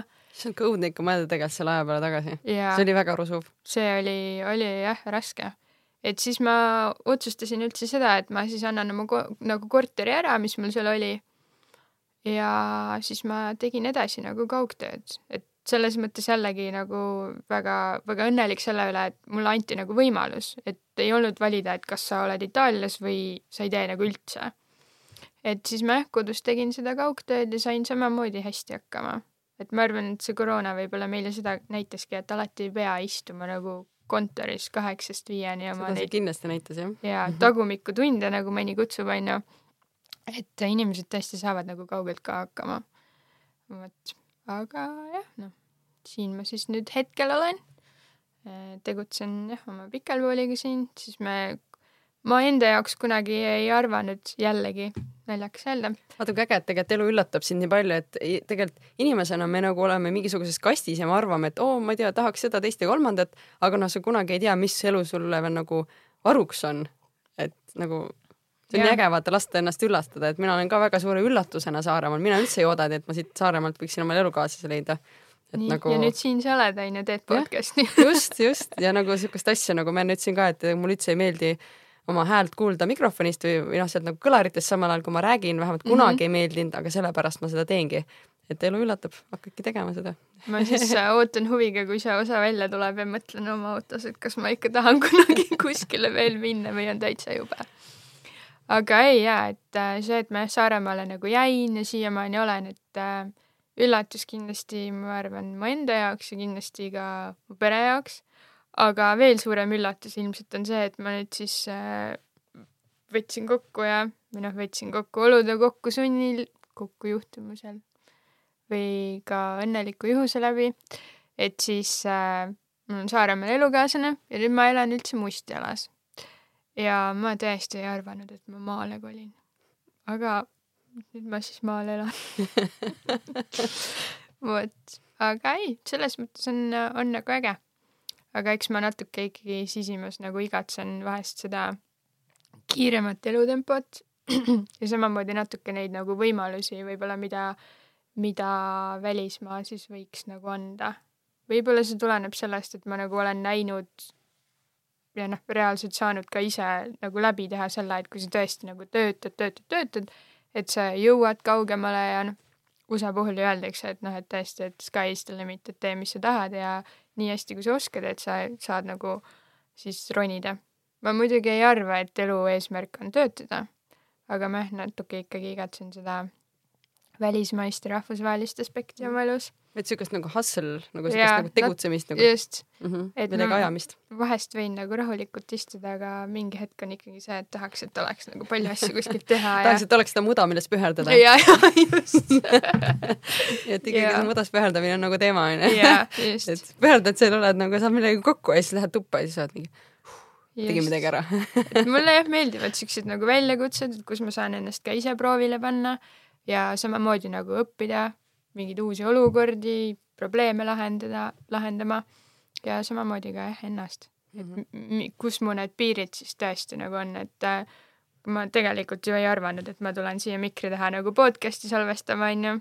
samamoodi koolis pidin suure auditooriumi ees mikrofoniga nagu oma mingit ettekannet tegema. jällegi nagu asi, mis, kus sa paned ennast proovile ja proovid siis neid nii-öelda hirme ka ületada. Mhm. jah, et kas sa nagu võtad kätte, ütled jah, ma ei oska seda veel, aga ma proovin või arvad, et ma ei ole seda kunagi teinud ja siis mm Mhm. -hmm. sellepärast ei tee. mul on üks küsimus ka, ma vaatan kohe, mul oli nagu spordi kohta, et äh, ah, et kuidas sa suhtud eesmärkide ja unistuste täitmisesse? kuidas sina nagu seda näed, et kui sul on mingi unistus või eesmärk, aga sa veel ei oska või sa ei julge, et nagu kuidas sina nagu seda asja näed või mis suhtumise sa ise võtad või teistele nagu tahaksid välja tuua? ma arvan, et eesmärke seada on alati hea, unistada mina ütleks, et nii suurelt kui vähegi võimalik, on ju, et keegi ju ei pane piire ette. aga selles mõttes, et kui ei, ei oska või ei tea veel päris täpselt, siis meil on ju internet, mis on noh, sa lähed sinna ja sa võid ju informatsiooni või nagu abisse peaaegu ära uppuda. et kindlasti noh, Saaremaa kontekstis on eriti see, et kui sa ise ei oska ja võib-olla sul sõber kõrvalt ei oska, siis sõber, sõber, sõb-, sõbra sõber ikka nagu oskab aidata, et ma arvan, lihtsalt vahest on ka see, et oma eesmärkide täitmiseks sa pead oskama kellegilt abi küsida, kes on võib-olla läbi teinud need sammud ja oskab tõesti öelda, et mida teha, mida võib-olla mitte teha, kuidas on natuke lihtsam, võib-olla mida võiks nagu teisiti teha. et ma arvan, et äh, jah, eesmärke tuleb seada ja ma arvan, et ei tohi nagu, kuidas ma siis ütlen eesmärke tuleb seada ja unistada peaks suutma suurelt. mm. -hmm. ma olen ise märganud ka seda, et tegelikult tasub hakata tegema. et, et nagu see mõtlemine ja küsimine on, on mingi maani, et ma ise olen ka nüüd küsinud nõu ja pidanud aru ja niimoodi, aga kuidagi mm. -hmm. siuke tunne, et nagu ma pean ju hakkama mingeid samme ka tegema, sest muidu ma istun omal selle targa mingi, ma ei tea, nõu, nõuannete märk Jaa. märkmepaberi taga, aga nagu midagi ei liigu niimoodi, onju. seda küll jah, muidugi mm. -hmm. et äh, jah, hakkad tegema ja siis hakkab otsast hargnema midagi mm. -hmm. Ma korra küsin selle ka ära, et äh, kui me täna tahame veel pikemalt rääkida pickleballist, kuidas sa sellega siis kokku sattusid, kas see oligi USA-s? äh, see oli jaa USA-s ja ma esimest korda mängisin seda aastal kaks tuhat seitseteist. siis ta veel ei olnud kindlasti nii suur, kui ta, kui ta hetkel on. et äh, minu jaoks oli ta siis ka sihuke noh, natuke sihuke teistmoodi mäng, et äh, kuna ma töötasin ühes äh, klubis seal tennisetreenerina, siis tuli nagu kõrvale sihuke spordiala ja ma jah, alguses nagu kindlasti üldse ei mõelnud äh, selles perspektiivis, et kunagi seda ise võib-olla õpetama hakata. et ta lihtsalt tundus nagu asi, mida mängida, aga kuna ma ikkagi ise veel tennist nagu nii palju mängisin, siis äh, ta ei pakkunud võib-olla mulle seda väljundit, kuidas ma siis lähen, et mul on väiksem reket ja väiksem pall ja väiksem nagu väljak, et see päris ei ole see. ja siis ta nagu jäi ja siis ma vahepeal ju olin siin Eestis ja kaks tuhat kakskümmend kaks, ma olin kolm kuud jälle USA-s. et äh, olin just äh, oma eelmise töö nagu lõpetanud, võtsin aja maha, käisin seal, külastasin sõpru ja teisi nagu ka perekondi, kellega ma väga lähedaseks seal sain. ja sealt see nagu jälle tuli, et ma hakkasin seal uuesti mängima. ja sellel hetkel nagu sa näed seda vahet, mis on no nelja-viie aastaga, et kui enne mängis hästi vähe inimesi siis nüüd sul on spordiklubid, mis on hommikust õhtuni ainult nagu inimesi täis, kes mängivad ja tenniseväljakud on näiteks ära kaotatud sellepärast, et saaks mängida pikelpooli. või siis äh, kuskil Floridas on sellest saanud juba kinnisvara müügiartikkel. et äh, sellel hetkel ma nagu sain aru, et okei okay,, et see on mingi järgmine asi nagu, mis võiks ka Eestisse tulla. ja eks mul sealt nagu mingit pidi see mõte tuli, et on ju nii lihtne. et ja siin on, meil on tegelikult ju sulgpalliväljakud kõik olemas või noh, piirid siis nii-öelda, et kus seda mängida. et kuna ta jah, tennise, sulgpalli ja lauatennis isegi on, et siis ta, ma arvan, on tõesti lihtne mm. -hmm. et kas seda saab õues ka mängida, seal on nagu õuetennise väljakul või? Äh, asfaltplatsil ja Mm. ja noh, eks ta ongi Floridas ja igal pool, kus on siis USA-s nagu soe, seal mängitakse õues seda ja päikse ja tuulega mängimine on natuke teistsugune kui see, kui sa mängid äh, siin meil saalides, aga jah, kindlasti saab mm -hmm. ja, ja väga soovitan jah mm. -hmm. räägi, kuidas praegu Pickleballi Saaremaal läheb, et kus, kus seda teha saab palju inimesi teeb seda ja mis eesmärgid on? kuhu välja tahad, kuida-, kuhu sina tahaksid, et, et Pickleball ja Saaremaa jõuaksid? Nonii, väga hea küsimus. et räägime lõpuks sellest ka, et me oleme juba viiskümmend minutit rääkinud, aga okay. aga lõpuks teemani jõuame nüüd Nonii, äh, ma arvan, et äh, üleüldiselt loomulikult oleks ju see, et inimesed liiguvad, et me ju kõik räägime sellest, kuidas äh, inimesed on passiivseks jäänud, eriti lapsed, ja et kõik istuvad kodus arvuti taga või kontorilaua taga. Aga Saaremaal pikelpooli saab mängida kolm korda nädalas. Või noh, nii-öelda trennis siis käia linnas, et esmaspäeval kaks korda ja kolmapäeval üks kord, et esmaspäeval on erinevad äh,, erinevad grupid, et algajad ja edasijõudnud ja kolmapäeval siis äh, juba sihuke segarühm, et mängime noorusekooli võimlas ja saame seal väga hästi hakkama. aga samamoodi mängitakse juba Kärlal, et nemad alustasid ka samamoodi eelmisel aastal kui meiegi siin linnas, siis äh, Valjalas sellest aastast tean, et äh, Salmel olen käinud ja ka seal inimesed tahaksid kindlasti mängima hakata. et ma arvan, et ta vaikselt nagu levib ja jõuab üha rohkemate inimesteni. aga eesmärkidest rääkides, no loomulikult ma ju tahaks, ütlen, et unistan suurelt, eks ole, et äh, see võiks olla igas koolis näiteks ka, et kuna ta on tõesti nagu lihtne ja lastel tegelikult on ju nagu reketi käsitlusoskus kirjutatud ka liikumisõpetusse siis ma leian, et see võiks olla täitsa tavaline osa nagu kehalise kasvatuse tunnist või siis liikumisõpetuse tunnist. ja loomulikult see, et nagu rohkem ka täiskasvanud jõuaks selleni. et ma arvan, et sihuke eelarvamus on see, et issand, et see nimi on võib-olla selline, et mida see siis endast kujutab. Kõige suurem nagu sihuke asi, mida või nagu äh, arvamust, mida meie oleme pidanud murdma sellega, ongi see, et inimesed arvavad, et nad peavad tulema koos paarilisega. et ma ei saa ju tulla üksinda. ma saan täitsa aru, et äh, sõbra või sõbrannaga koos tulla on julgem, onju. et siis käite kahekesi ära ja teine, teine kõrvalt nagu toetab. aga tegelikult saad äh, trenni, tuled üksinda, saad mängida, meie alati kombineerime need väljakud, teeme erinevaid harjutusi, et seda kindlasti nagu kartma ei pea aga jällegi iga uus asi on uus. või noh, keegi ei julge alguses proovida, onju. et me ka maadlesime alguses sellega, et kust me need inimesed siis leiame, et aga siis Saaremaal mõtled, et on tegelikult ikkagi palju inimesi, onju. sa tead, et kõik ei käi kuskil trennis hetkel ja siis ongi see, et sa kogu aeg nagu ise pead tegema, et palun tule või no tule proovima, onju. Võta sõber või sõbranna kaasa ja mm -hmm. siis lihtsalt nagu näete ära, et millega tegemist on. kui ei meeldi, väga hea, aga sa oled nagu ühe kogemuse võrra jälle rikkam ja nii ongi.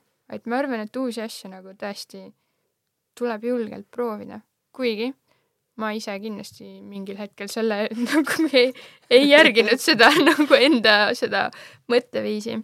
et eks ma siiamaani kindlasti mingid asjad nagu mõtlen, et okei okay,, ma teen ära, ma olen julge ja siis ma jätan tegemata mm. -hmm või siis nagu annad endale hinnangu, et ah, et ma ei oska, ma ei ole seda varem teinud ja yeah. mul on mingi varem kogemus onju ja et ma ei, mul ei ole see meeldinud ja niimoodi onju. jah, aga ma arvan küll jah mm. -hmm. et eks eesmärgid on, võiks ta ju koolis olla. mingi utoopiline yeah. number võiks sihuke olla, et tuhat inimest näiteks Saaremaal mängib äh, pikelpooli. sinna on hästi pikk maa veel minna. no kui sa nii ütled ma arvan, et on, kindlasti on, et kuna ta on ikkagi ju Eestis ju ka võrdlemisi uus asi, millega tegeleda. et üliäge oleks, kui Saaremaast saaks nii-öelda sihuke pikelpooli meka, et me oleme, noh, meil on küll ooperipäevad ja rallid ja kõik muud onju, aga siis on ka pikelpool. ja et meil võiks isegi olla rohkem inimesi mängimas kui Tallinnas. jaa, võiks. kusjuures ma arvan, et äh, kindlasti äh, mingi hetk ka oli. Ma tean, et Tallinnas ikkagi ka ta nagu läheb suuremaks ja eks nagu raske on ennast äh, nagu võrrelda suurlinnaga, kus on nelisada tuhat inimest versus see, et me oleme siin saare peal ja meil on kolmkümmend pluss tuhat.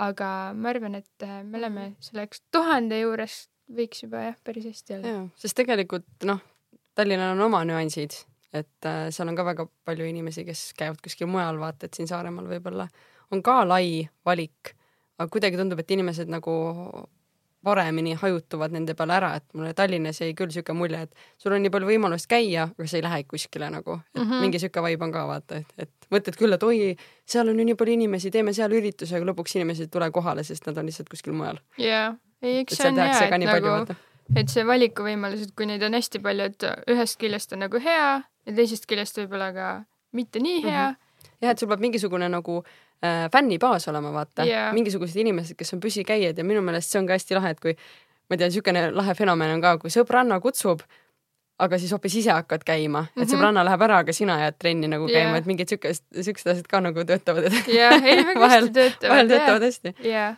Ja me käisime ise ka eile just äh, elukaaslasega mängimas ja ma ise mõtlesin ka, et, et noh, mina, mina ei teadnud sealt trennis ka kedagi, onju, aga mm -hmm. samas nagu ei olnud ka midagi hullu mängida nagu, nagu noh, minu jaoks uue Võõraste inimesega. just nagu ei olnud yeah. nagu midagi hullu nagu baaris olla nagu mängida teiste vastu ja nagu, nagu noh, oligi, et pigem on võib-olla nagu raske mängida elukaaslasega, sest et seal on nagu mingisugune filter vahel nagu, et et noh, mis iganes, vaata, me saime ju kõik mängud pähe ja siis on see, et aa, nagu suvainimesega saaks pähe, oleks jumala, oleks ikka kõik ju vaata, et noh, me ei teadnudki üksteist ja noh, ei olnudki yeah. tiimitööd ja nagu mõtled, noh, elukaaslase ikka peaks nagu saama kuidagi onju, aga noh, et nagu siuksed nagu mõttetud nagu siuksed asjad tulevad vahele, eks ju mm -hmm., et aga nagu sa ütlesid hästi, et, et kui homme jalad on tunda, siis oled nagu trenni teinud, et, et kergesti on tunda. on, no väga hästi. nagu siit tagaosa ikka... just yeah., tagaosa ja tuharalt natukene, et yeah., et noh, ütleme niimoodi, et Hannes sai kindlasti rohkem seal liikumist, et äh, aga ja ta ütles, et tal on ka tunda, jah ah,. No ta ütles, et, ütles, et tal on ka ikka tunda, et, et äh, et see on nii huvitav jah, et kuidas nagu see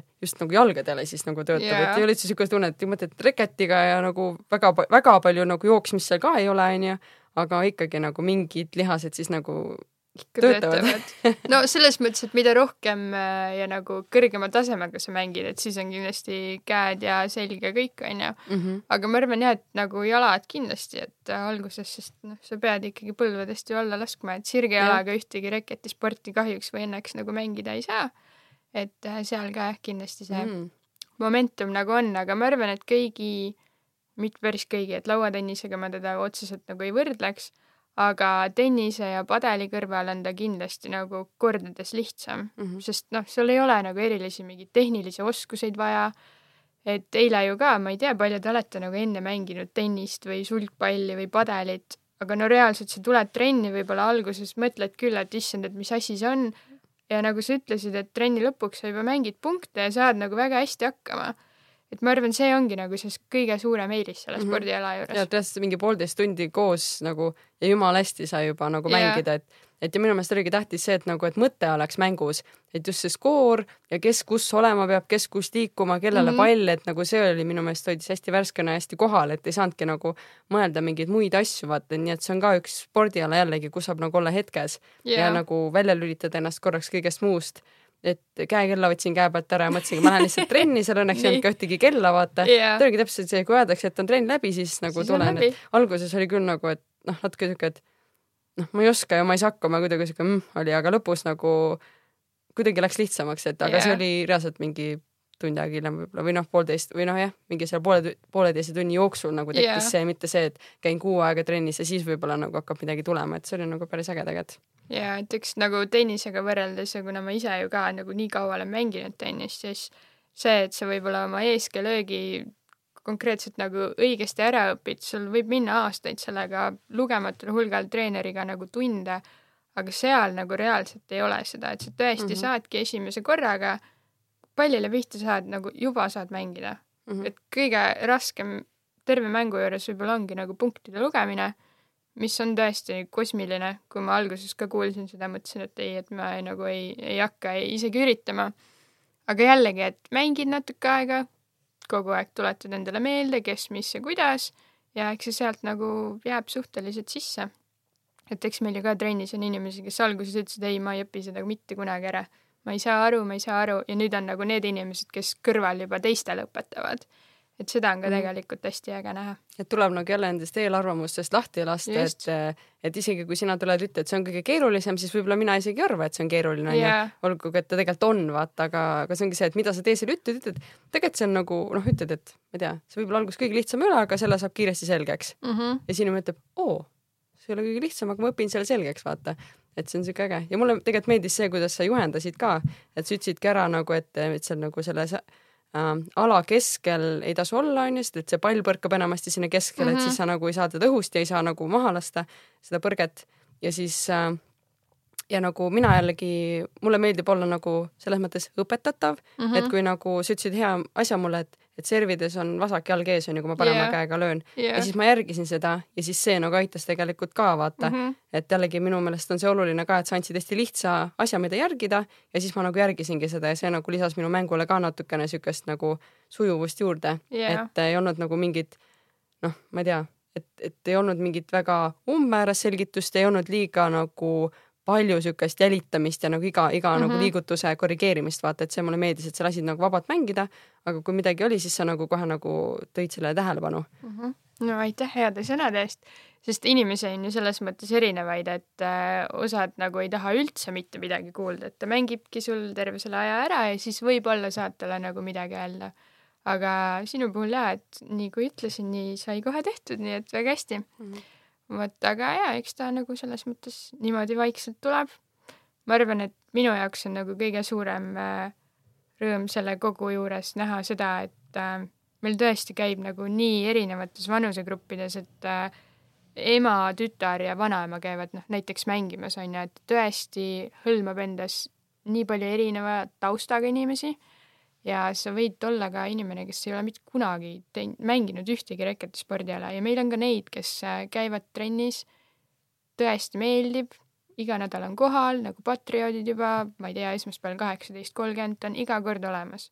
Ja talle tõesti meeldib ja noh, see, kui inimene läheb trennist ära, tal on hea meel, samas ta on saanud nagu piisavalt liigutada, ma arvan, see on minu jaoks ka see rõõmufaktor nii-öelda selle kogu ju asja juures. et äh, loomulikult alguses on nagu raske, aga kui sa hakkad nagu neid inimesi nägema, kellele see nagu meeldib, siis äh, selle kõrvalt läheb nagu kõik endal ka lihtsamaks. vot. mm. -hmm. ma mõtlesin just selle peale ka, et, et äh, vaata, ta on hästi lihtne selgeks saada, aga samas temast ei kao ka ära seda mängu huvi, nagu ma aru saan, vaata mm, -hmm. kui sa ikkagi käid ikka aasta ja niimoodi, noh, et kui algusest peale mõni käinud, vaata, siis ta käibki see aasta aega yeah. ta sai selle võib-olla isegi lihtsalt selgeks, aga ta siiamaani käib, sest et iga iga nagu kord on oma mäng, oma inimene, oma tunne ja see ongi see, et et see ei ole ju sellepärast, et näed, ma panin pusle kokku ja nüüd ma noh, ma ei tea, ma nüüd oskan, nii-öelda oskan, onju, Mhm. mingi maani ja nüüd ma rohkem ei tee, sest et ma nüüd oskan Jaa. et see ongi see, et sa käid seal sellepärast, et sa pead kogu aeg oma enesetunnet hoidma ja kogu aeg nagu nagu tahad mingit rõõmu või mingisugust nagu noh, sealt saab ju seda elamust ka vaata, et see on nagu lõbus ka minu meelest, et jah, eks ta nagu ongi see, et ta on hästi seltskondlik ja tõesti on nagu äge, eriti kui sa näedki nagu nii erinevaid inimesi või sama nagu teil eile tegelikult ju, et sa oled väljakul inimestega, kellest sa tegelikult ju mitte midagi ei tea. See, kui keegi ütleb sulle kõrvalt, et hea töö või hea punkt ja, või või hästi mängisid, onju. selle reketiga nagu Jaa. umbes lööd laksu, et just, et see tegelikult annab mõlemale inimesele ju niivõrd positiivse emotsiooni nii-öelda laengu, onju.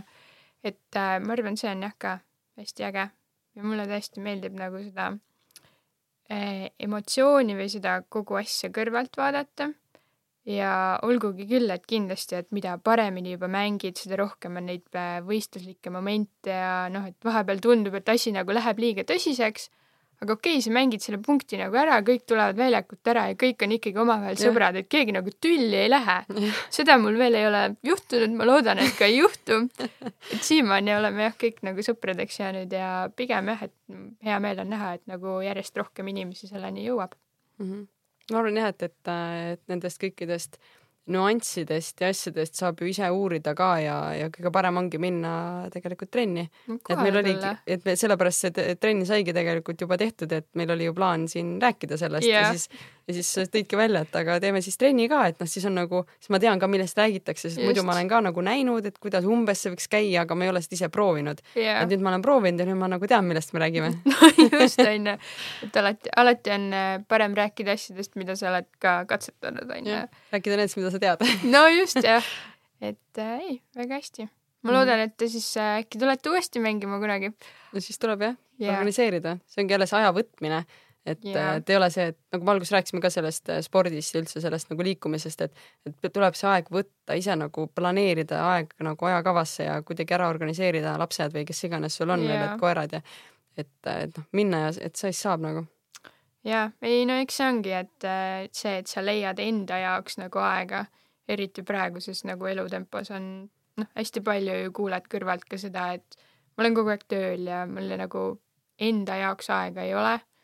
Ja on ju ka inimesed, kes reaalselt nagu kirjutavadki omal päeval kuskile kalendrisse, et ma ei tea, täna pool seitse kuni kell kaheksa, et on nagu ainult minu aeg. ja ma tõesti lähen teen sellel hetkel seda, mida mina tahan teha, mitte seda, mida keegi kõrvalt mulle ütleb, et ma peaksin või võiksin või tahab, et ma teen. hea point. vot, et see on mm -hmm. jah Mhm. sihuke kiire elutempo on jah paratamatus, aga noh, Saaremaal on meil aeg, aeg nagu tiksub natuke aeglasemalt on ju mingil põhjusel kuidagi jah, sinna nende sekundite vahele mahub veel midagi. ja paar sekundit veel on ju. jah, ei, aga ei, äge äge. nii tore, et sa tulid ja rääkisid ja nii pikalt jagasid ka seda USA lugu, et äh, see oli nii huvitav minu jaoks kuulata ka ja ma usun, et äh, ka teistele, et äh, noh, ütleme niimoodi, et mina olen ka praegu, mina olen praegu kahekümne üheksa aastane ja ma mingi aeg mõtlesin, et issand, ma saan kolmkümmend sellel aastal. kas see on võimalik üldse või kuidas ma siia sain nagu? Mhm. jaa, see ei ole nagu võimalik, ma tean, et sina juba oled kolmkümmend saanud, onju.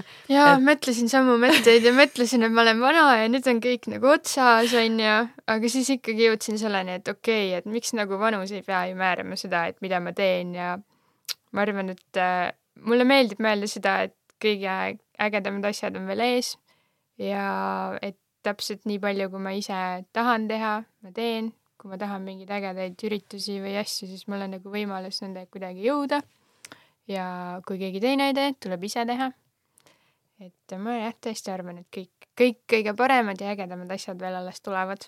jah, et praegu hakkab see asi kohale jõudma, vaata, kus on nagu lepid ära sellega, et jah, ma olengi nagu no- noh, see number on ees, on ju, mis sest, aga sa hakkad nagu, mina, mina tunnen, et ma hakkan ennast nägema rohkem nagu sellise äh, mingisuguse kasti või laekana, kuhu hakkavadki rohkem nagu, kus on juba pool või noh, ütleme pool või veerand või niimoodi on nagu kogunenud igasuguste kogemustega mm. -hmm. igasuguste mingisuguste teadmistega on ju, mingisuguste noh, ongi või mingite suhetega, mingisuguste yeah. Nagu noh, sa oled nagu mit, mingit moodi täitunud ja nüüd nagu saab siin ainult peale tulla ja siis ma saan sealt kastist võtta neid noh, ongi neid kontakte või neid mm. -hmm. nagu oskusi ja neid nagu teadmisi ja ma saan neid jälle kasutada ära nagu yeah. et see on nagu kõik on väärtus, et ma olengi nagu praeguseks kõike seda kogenud, kogunud ja kogenud ja ennast ehitanud selliseks, et nüüd ma hakkan nagu päriselt asju tegema. jaa, et minu meelest see on nagu minu jumala äge tunne, vaata, et ja mõ- mõeldagi, et jah, isegi mõtleks tegelikult, et päris noored oleme niisuguste asjade jaoks, et me oleme teinud niisuguseid asju,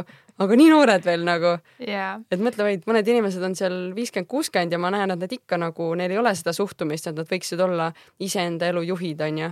ja, ja yeah. mis, mis teha siis, lihtsalt tuleb nagu neile head soovida, onju, et nad vähemalt oleksid õnnelikud oma elus sellega, mis neil on. Et äh, noh, aga see iseenda elu juhtimine minu meelest on kõige-kõige olulisem. just.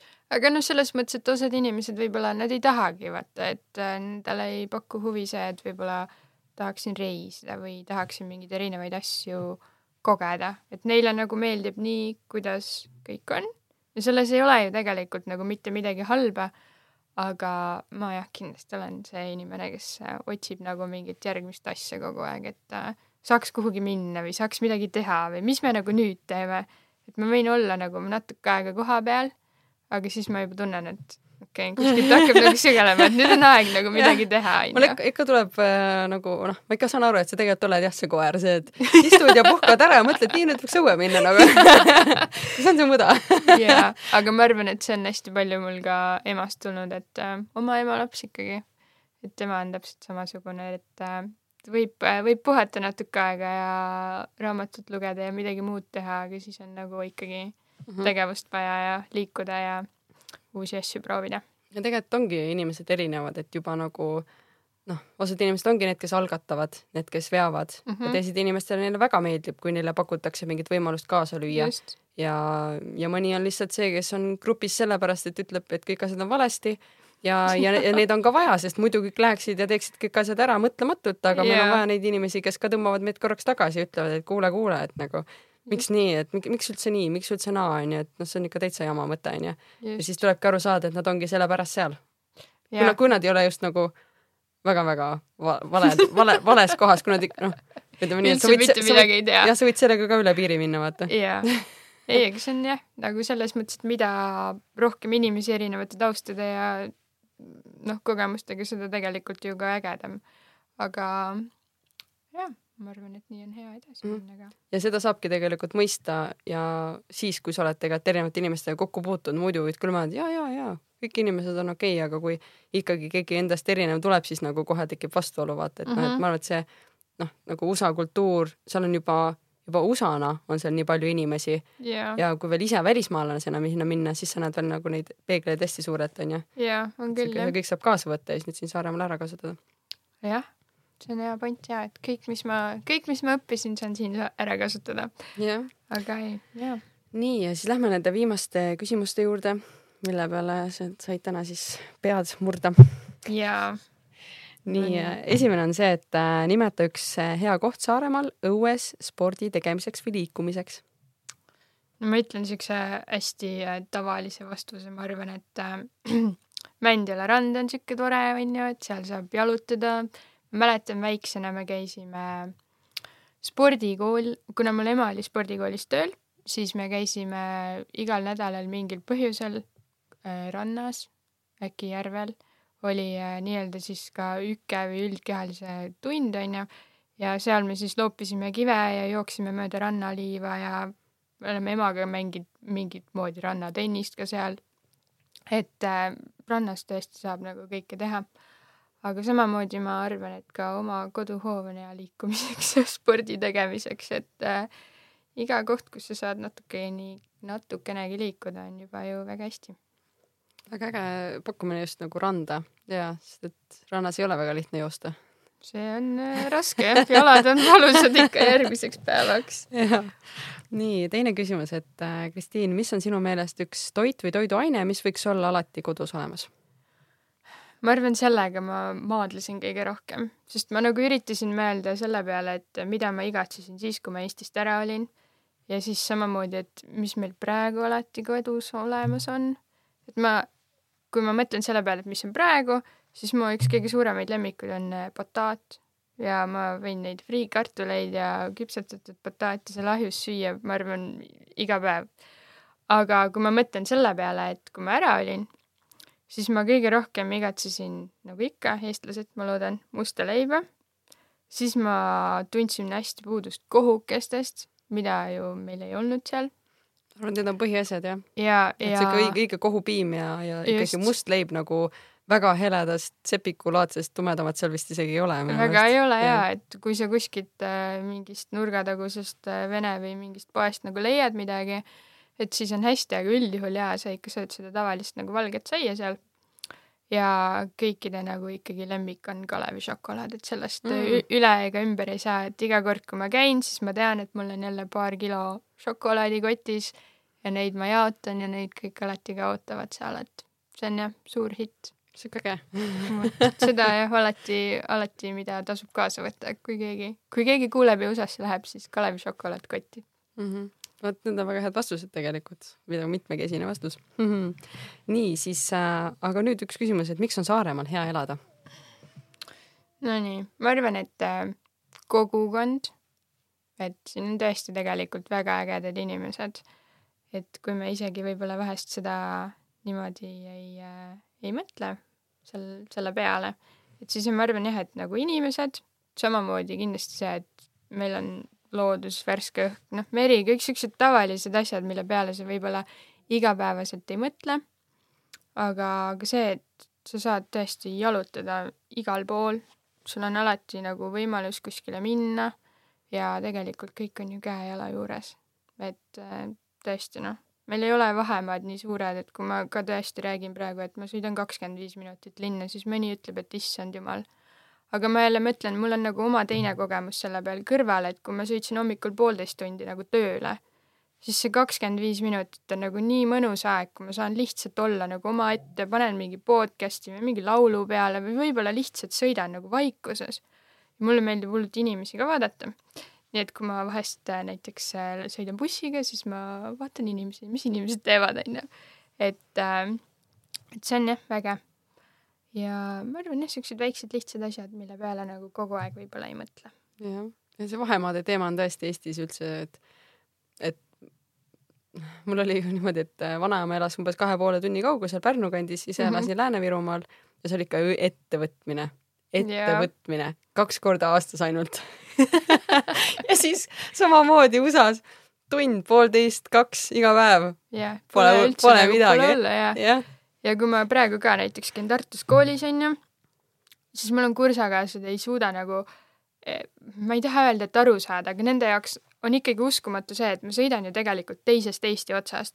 ma võtan selle bussi onju või võtan lennuki, et ma lähen Saaremaalt lennukiga Tallinnasse, siis ma võtan sealt äh, rongi ja lähen rongiga Tartusse.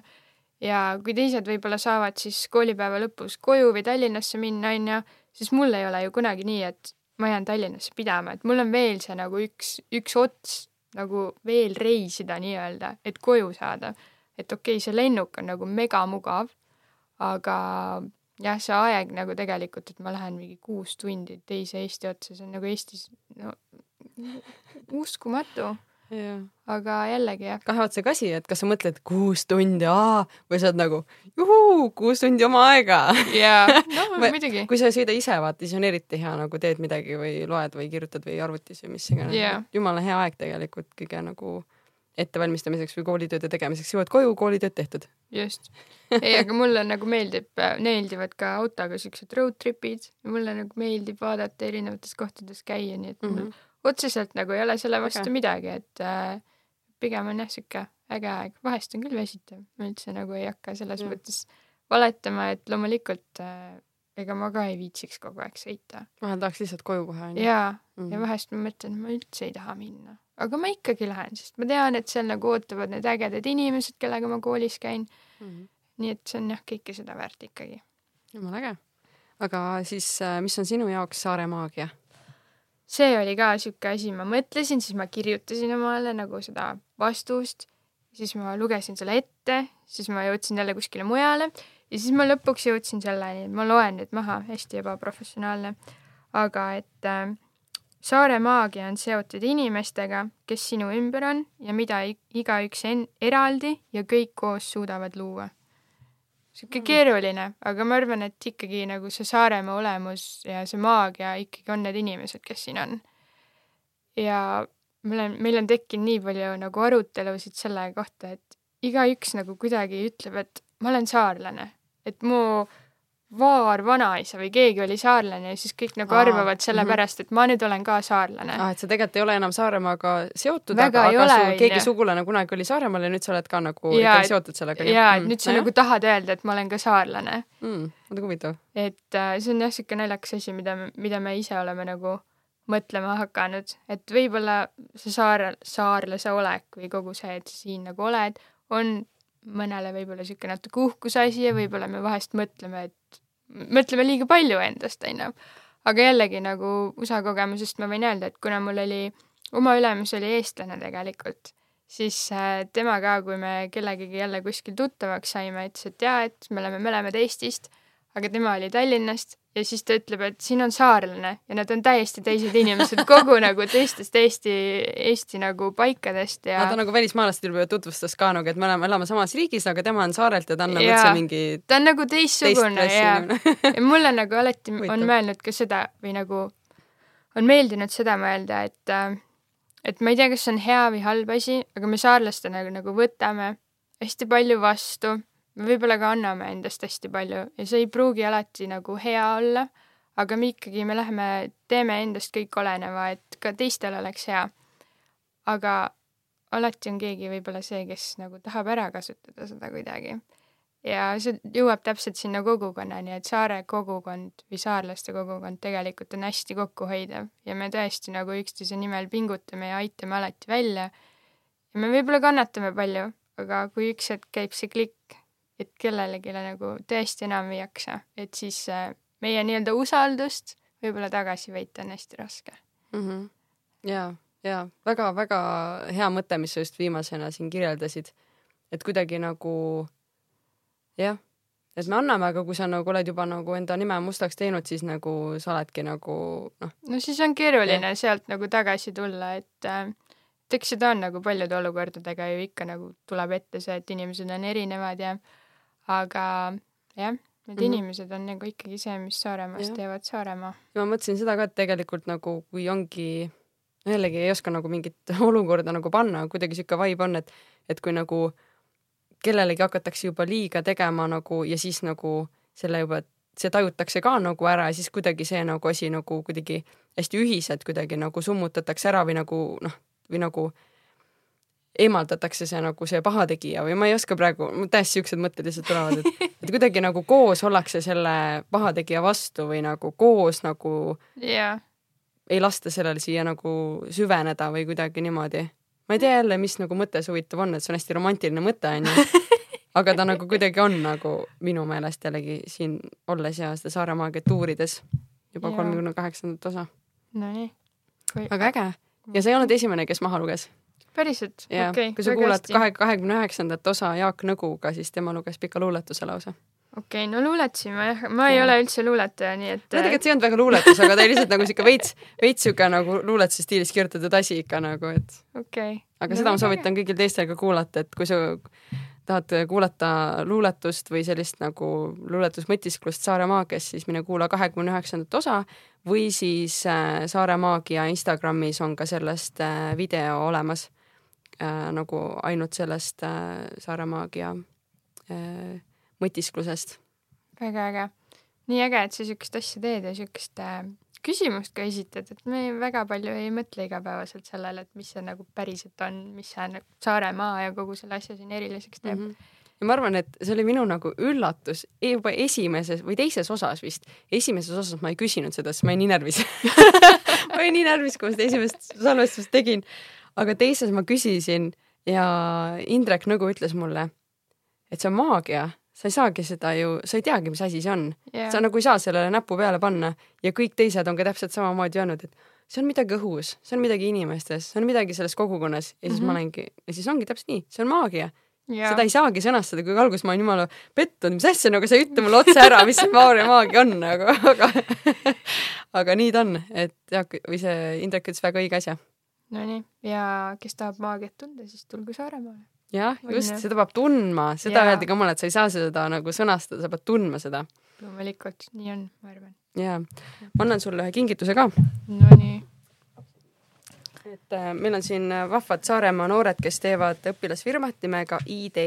nii. ja siis äh, nad tegelevadki disaini ja trükkidega ja siis nad tegid mulle siuksed lahedad äh, kotid. kui enne olid sädeleva logoga, siis nüüd see on äh, tegelikult helkur materjal. sinine okay. helkur materjal, mega lahe väga nagu, et siukene hea tugev kott. no nii. et ole lahke, saad, saad uhkusega kanda seda. ja saan kohe nüüd äh, poodi ka minna no,. peangi minema poodi super. aga aitäh sulle. ja, ja aitäh kuulamast. tšau. tšau.